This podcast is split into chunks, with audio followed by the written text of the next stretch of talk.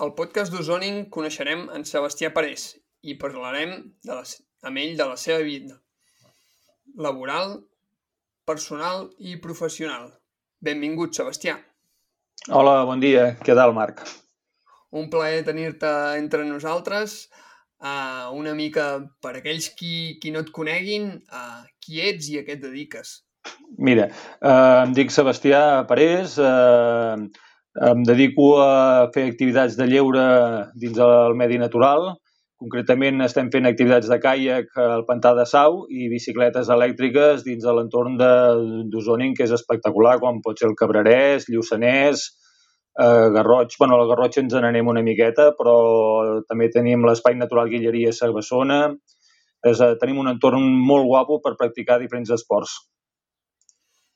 Tinc les, no, les marques que utilitzem són Kayak Sau, en les activitats del Pantà de Sau, i amb les bicicletes ens diem Ruta e-bike. Molt bé. Uh, una mica per, per conèixer-te una mica més, explica'ns com vas arribar a ser qui ets en aquests moments o com vas anar per aquí? Com, com has arribat a, a organitzar uh... activitats i tot plegat? Sí, mira, jo vinc del món esportiu, vinc del món del vol lliure i va, aquí a Catalunya tenim un lloc molt espectacular per volar que és, a Àger, a la província de, de, de Lleida, a la, on hi ha el Congost de Montrebei, i allà hi anàvem a parar moltes setmanes perquè és un dels llocs més bons de Catalunya i poder dins de l'àmbit d'europeu.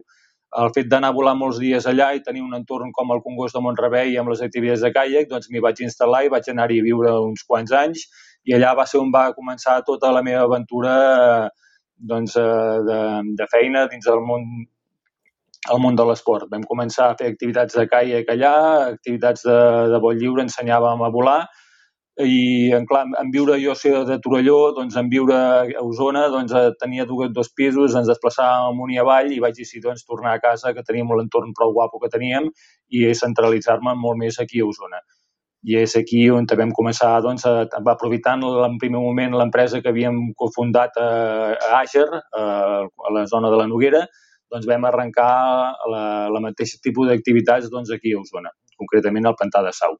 Després, amb el temps, com un complement, va ser quan vam començar a treballar amb les bicicletes elèctriques.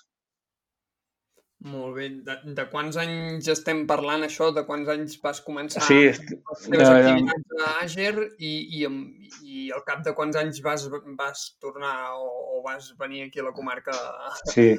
a implementar? Aquí estem parlant ja de, de, de seguida fa 10 o 11 anys que vam començar, que me'n vaig anar a instal·lar-me a Àger. Allà vam estar-ho treballant 3 o 4 anys i des del 2003-2004 es va començar a treballar aquí, aquí a Sau va costar una miqueta perquè, clar, és molt fàcil muntar una empresa de caiacs, però aquí tenir un volum de gent ens ha costat uns quants anys, però ara ja sembla que estem treballant bastant bé. O sigui, Sau cada vegada està millor, les empreses que treballem tots intentem de fer les coses ben fetes, eh, la gent està redescobrint una mica tot el que seria la Vall de Sau, Cabrerès, eh, l'Espai Natural Guilleria Sabassona, i entre tots ens anem retroalimentant i fa que cada dia tinguem més feina aquí al Pantà de Sau. Molt bé. Aquesta, aquest, aquest, aquest disfrutar de l'esport o aquesta vivència per l'esport et, et ve de petit o, o ha sigut ara de més gran que ho has descobert? Eh, dic més el, el caiac en, en qüestió o ja sempre hi havies tingut una predilecció per, per aquest esport?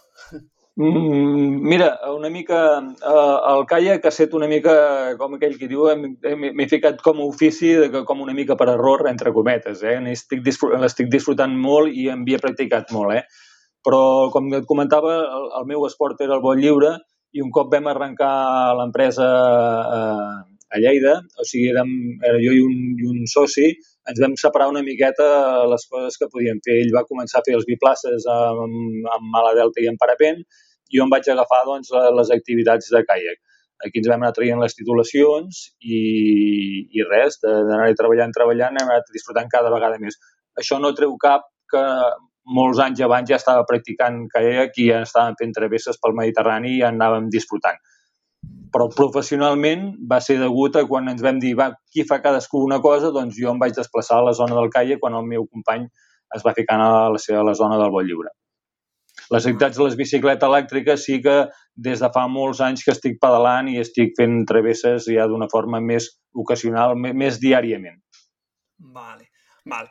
I una mica ara que començaves a, a, a dir tot aquest tema de, de les titulacions i, i etc i, i d'aquesta navegació que ja, que ja portes d'uns quants anys, uh, ens sabries dir per què eh, recomanes el caiac i, i, i per altra banda aquesta, aquesta altra disciplina que, que ha sortit i que tant de moda està, que és el, el paddle surf, i per què recomanes el, el paddle surf i una mica quins avantatges hi veus en cada una de les activitats i quines diferències. O sigui, més potser per, per al client o què disfruta més o la persona que és més mm, té més aquest perfil més tranquil o, o, o vol més aventura, com, com, com ho distingiríem aquí o com ho distingiries tu? Aquí no puc ser del tot, per, tot imparcial perquè jo sóc molt més callaquero que, que, que pàdel, però sí que jo penso que hi ha dues, són les dues Eh, la gent que fa pàdel i li agrada molt segur que m'ho pot retreure, però jo em veig com dues vessants. No? Amb el caiac ens permet doncs, eh, desplaçar-nos molt més, d'una manera molt més ràpida, amb condicions de més vent, eh, que, que Sau poder no ens hi trobem, però en el mar sí que ens hi, ens hi podem trobar, doncs ens permet doncs, de moure'ns i, i gaudir de, de descobrir més raconets, no? I amb molta més llargada i amb molt més durada de temps.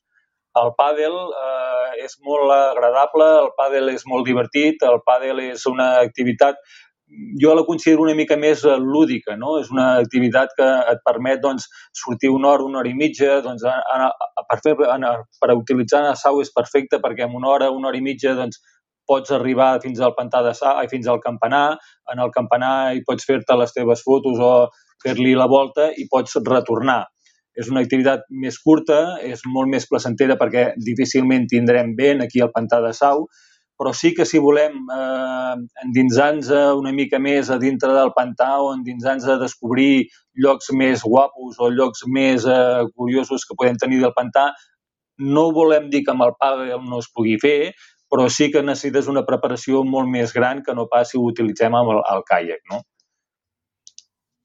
Molt bé. Vale. uh, per altra banda, una mica, uh, amb, amb quin objectiu o... Amb, sí, amb quina filosofia vas començar uh, aquesta aventura amb, amb l'empresa de, de Kayak Sau? Quin era el principal objectiu quan, quan vas començar? No ara, sinó al principi. Bueno, eh, jo vinc del món industrial i eh, degut una malaltia laboral, quan va sortir al·lèrgia a la pols i treballava en fusta, vaig haver de, de, de tancar la, la meva professió, vaig haver de cedir la, me, la meva professió i com que tota la vida havia estat una persona molt activa i practicant esports, vaig pensar, dic, busquem la manera de, de veure si puc guanyar-me la vida o veure si puc treballar de la cosa que realment m'agrada. Un canvi a la vida d'aquells que de vegades per un motiu X et toca fer i a mi em va tocar fer i ho vaig aprofitar-ho. Vaig començar una cosa que no era molt, no sabia com funcionava, com treballava amb les persones, perquè jo treballava en fusta i tot el que són activitats al medi natural, doncs eh, amb gent és una altra manera de fer, no, no per, per, per la manera en si, però sí que treballes amb persones, treballes a, amb, amb, amb, amb mitjans cada vegada com pot ser el temps, és una altra manera de fer. I aquí vam començar a treballar mica en mica amb la persona que estava a Àger, ella feia molt temps que ella es dedicava al món d'esquí, Llavors va ser, va ser molt fàcil, de la seva mà em va poder acompanyar a poder treballar i poder estar on estem ara. No? M'agrada molt treballar amb persones, m'agrada molt acompanyar-les amb les sortides guiades. En disfruto tant jo com ells, jo crec. Estupendo. I, I per altra banda, que ens comentaves també aquest tema que, que ha sortit més, més recentment i que també està molt de moda, que és, que és l'e-bike. Uh, aquesta activitat que, que heu començat a fer, uh, en quin moment decideixes dir, ostres, també l'e-bike pot, ser, pot ser interessant i pot ser un complement uh, a la comarca o, o amb, amb, amb el meu sector? Uh, uh, mira, el, la, la bicicleta, com el meu, si com tornem a estar on el meu esport havia estat el vol lliure, amb aquell competia, però com sempre la bicicleta l'he tingut com a segon esport perquè sempre per mantenir-me en forma he trobat que era un esport molt, molt interessant i que em donava molta llibertat. el, quan vaig decidir que les bicicletes elèctriques podria ser un bon complement per tota la gent que voltava a Osonda per descobrir l'entorn, va ser el dia que em vaig provar-ne una.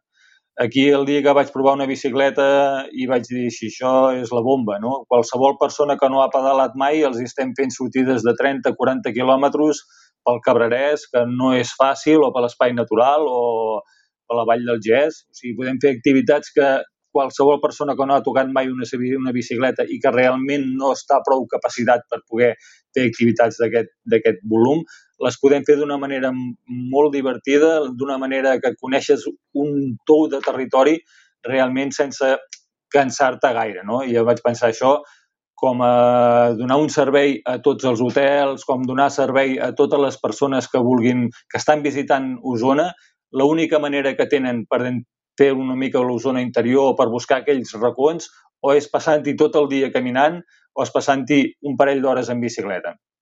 Mm -hmm. Esplèndid.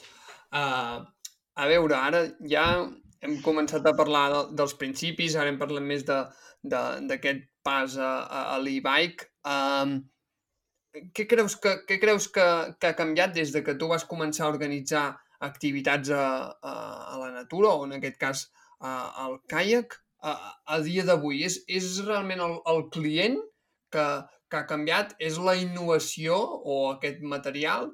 O és els instructors o, o potser més amb, amb el caia com aquestes activitats aquàtiques és, és el nivell del, del pantà. Digue'ns una mica com, com, com ho veus. Bueno, jo, com, com suposo una miqueta tothom que vol anar avançant i vol anar es vol anar actualitzant, una miqueta el que estem fent és estar sempre atent del que el, els clients amics que ens venen a contractar les nostres activitats eh, clar, jo estic pensant sempre en la meva força física, amb la meva manera de funcionar. Al principi vaig començar fent activitats molt llargues, de molta durada. Estem parlant de les activitats amb, bueno, tant amb el pantà com amb els caies com amb les bicicletes i tot ho hem anat reagrupant una miqueta veient el, el que realment la gent em demana o el que la gent realment vol fer. O sigui, és, és, jo puc portar-los a fer la baixada de, de sortint de Roda de Ter i fer tota la baixada del Ter fins a arribar al Pantà de Sau, que és una activitat molt guapa, però no tothom està capacitat de fer-la. És una activitat de més de 4 hores, entre 4, 4 hores les persones que més ràpides, però la podrien fer de 4 a 6 hores. Per tant, aquesta activitat seguim la seguim fent, la seguim treballant, però la gran majoria de persones, la gran majoria de gent que ens contacta, el que vol és una petita, un petita iniciació al caiac o una petita volta per, per descobrir una mica l'entorn de, del, del campanar i de, del pantà de Sau. No? El que fem molt és això, és mirar les persones què em demanen i el que em demanen després intentar-ho portar-ho sobre, sobre el treball al, al camp. No? Vale. Perfecte. Uh, I ara que començaves a, a, a parlar d'aquestes rutes a, a, al Pantà Sau una mica, um, um, aquestes més llarg, més curt, més dificultós, menys, um, qui, quines activitats o indrets o llocs no ens podríem perdre si visitem el Pantà de Sau? Mira, uh, a les activitats del Pantà de Sau nosaltres en tenim... Uh, el Pantà de Sau és molt gran, Podem fer tantes activitats que podem fer i és molt diferent que ens vingui una família amb nens, que ens vinguin quatre nois que estan de despedida de solters, com que ens vinguin quatre nois esportistes amb ganes de molta, molta guerra. No? Però sí que, que cadascú hem de trobar la seva, la seva activitat o la seva sortida perquè en disfrutin tots dins de la seva manera de ser.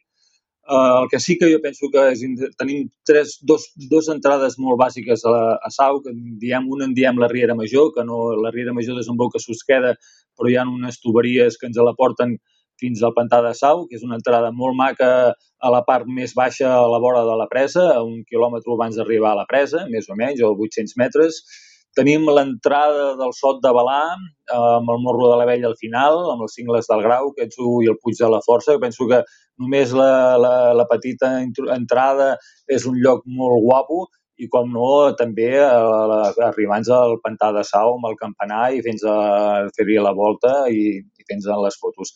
Jo penso que amb aquestes tres eh, coses amb aquestes tres punts són les més bàsics i els més, eh, més guapos de dintre del pantal que entenem.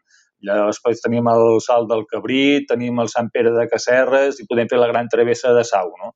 Això serien el que podríem fer amb, amb, amb els caiacs. Amb les bicicletes elèctriques és el que diem. Tenim el Cabrerès, que és espectacular, tenim la Vall del Gès amb les seves fagedes, que, que és un lloc molt guapo i molt salvatge. Tenim el que seria eh, la, la part del Montseny amb el Pla de la Calma, que ens toca a Osona, que també és molt guapo.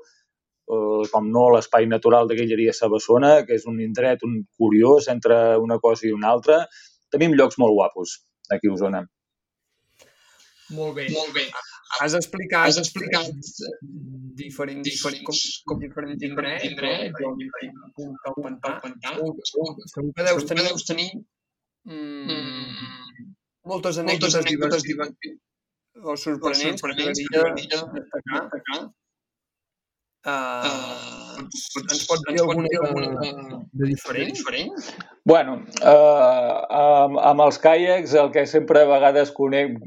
Això ens passen a tots i segurament uh, a mi quan he contractat algun altre servei o algun altre guiatge també hauran pensat el mateix de mi. Tothom es pensa que et sap més de les coses que realment sabem. Ja et dic, ja m'hi fico a mi com a persona, no?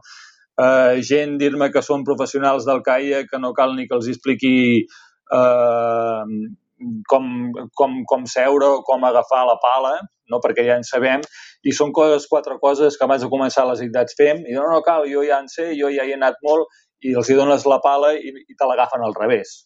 És una cosa molt bàsica que sempre els dic, home, eh, siguis o no siguis professional, com a mínim agafa'm la pala pel cantó de que toca i després ja veurem a veure com, com anem, no? És una cosa molt senzilla, perquè abans de començar totes les activitats, tant amb les bicicletes com amb els caiacs, sí que fem una petita introducció teòrica pràctica, no?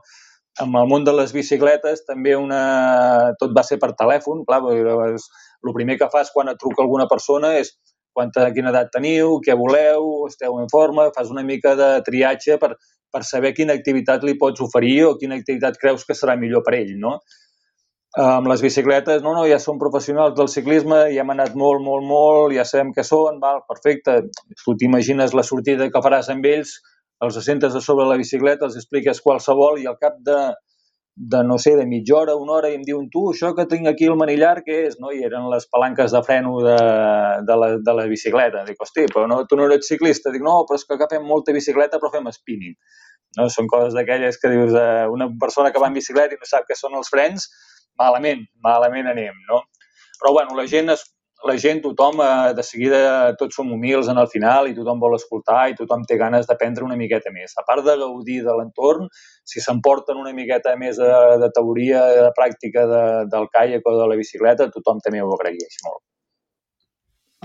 Perfecte. Perfecte. Um, I finalment, amb, amb, Uh, ens pots dir algun indret idíl·lic de la comarca d'Osona? N'has parlat de molts, però et podries quedar amb, amb, amb un. Uh, entenc que potser puc arribar a saber quin és, però uh, explica'ns. No sé, o sigui, clar, eh, jo, soc, jo vaig néixer a Sant Pere de Torelló i eh, com a Sant Parenc et portaré a la Vall del Gès, no? I dins de la Vall del Gès podríem anar al bosc de la Gravolosa, podríem anar a Bellmunt, podríem fer tota la Serra Granyada, Llavors, dins de... I per què? Per què? Per què és aquest, mm, aquest indret tan especial? D'entrada, tothom tira una mica cap a casa i jo penso que la gravolosa eh, quan la tardor és espectacular eh, pels colors que ens podem tenir de les seves fagedes. Tenim eh, la zona de, de, de Forat Micó amb el riu Fornès, que ens porta cap al Vidranès, que també és molt guapo quan la, totes aquestes fagedes són molt maques a la tardor, però a l'estiu també, o a la primavera, quan, quan estan verdes, també són molt profundes. Tots els indrets. Jo sempre penso que no hi ha un indret, que em, em pot agradar més un lloc com un altre, però hi ha, penso que els indrets canvien segons la, la, la temporada de l'any on te som. La Gravolosa m'agrada anar-hi a la tardor, a Sau m'agrada anar-hi doncs, a, a l'hivern, eh, cada lloc té el seu, el seu temps per disfrutar-ne. Perfecte. Perfecte. anem, anem acabant. Uh, on, et, on et podem seguir, trobar, per, per aquells que ens hagin escoltat i, i que, que els hagi agradat doncs, sentir-te, saber totes les activitats que fas i, i, i que, com hem vist, doncs, domines amb total uh, professionalitat. Uh, quines són les teves xarxes socials o web o, o, o on et poden seguir, on et poden trobar?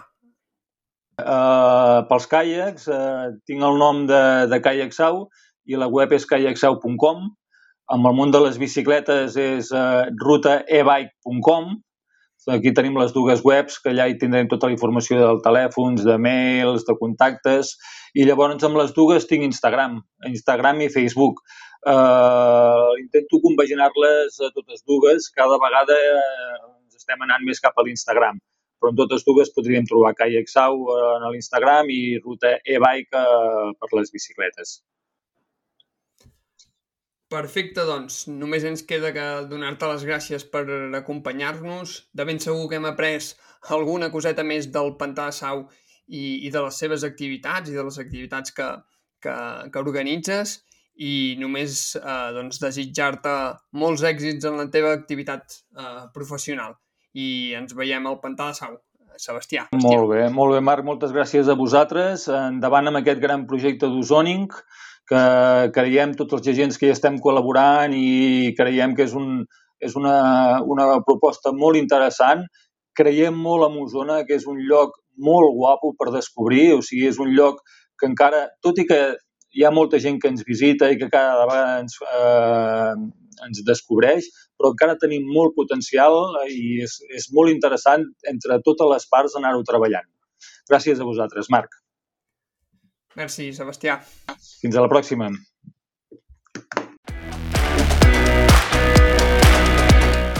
I fins aquí el podcast d'avui. Moltes gràcies per escoltar-nos.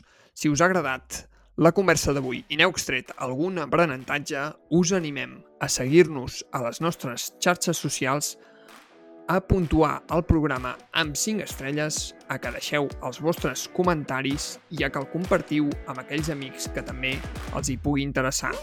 Moltes gràcies i fins la pròxima!